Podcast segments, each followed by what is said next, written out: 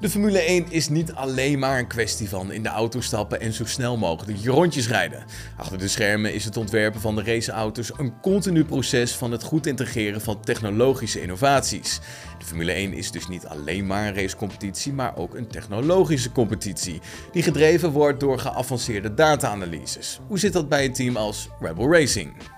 Denk maar eens aan alle mogelijke race-scenario's die door het team bedacht worden. Het gaat van ideale pitstopmomenten tot aan bandenstrategieën.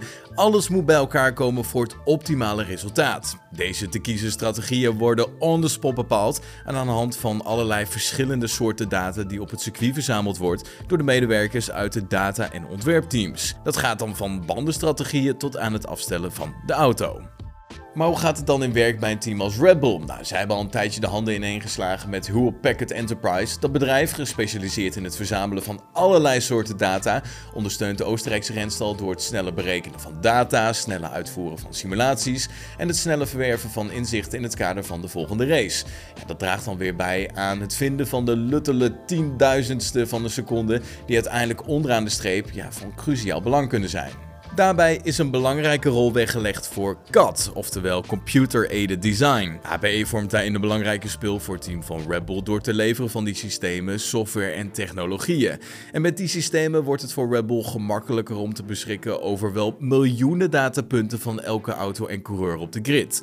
Aan de hand van deze informatie kunnen de knappe koppen bij Red Bull analyses doen en deze data optimaliseren. Dit draagt dan weer bij aan de richting en strategieën en zorgt er uiteindelijk voor dat Verstappen en Perez, althans dat is de bedoeling, voor de concurrenten over de streep kunnen komen. Ja, de rol van al deze technologie is nog van grote belang in de Formule E.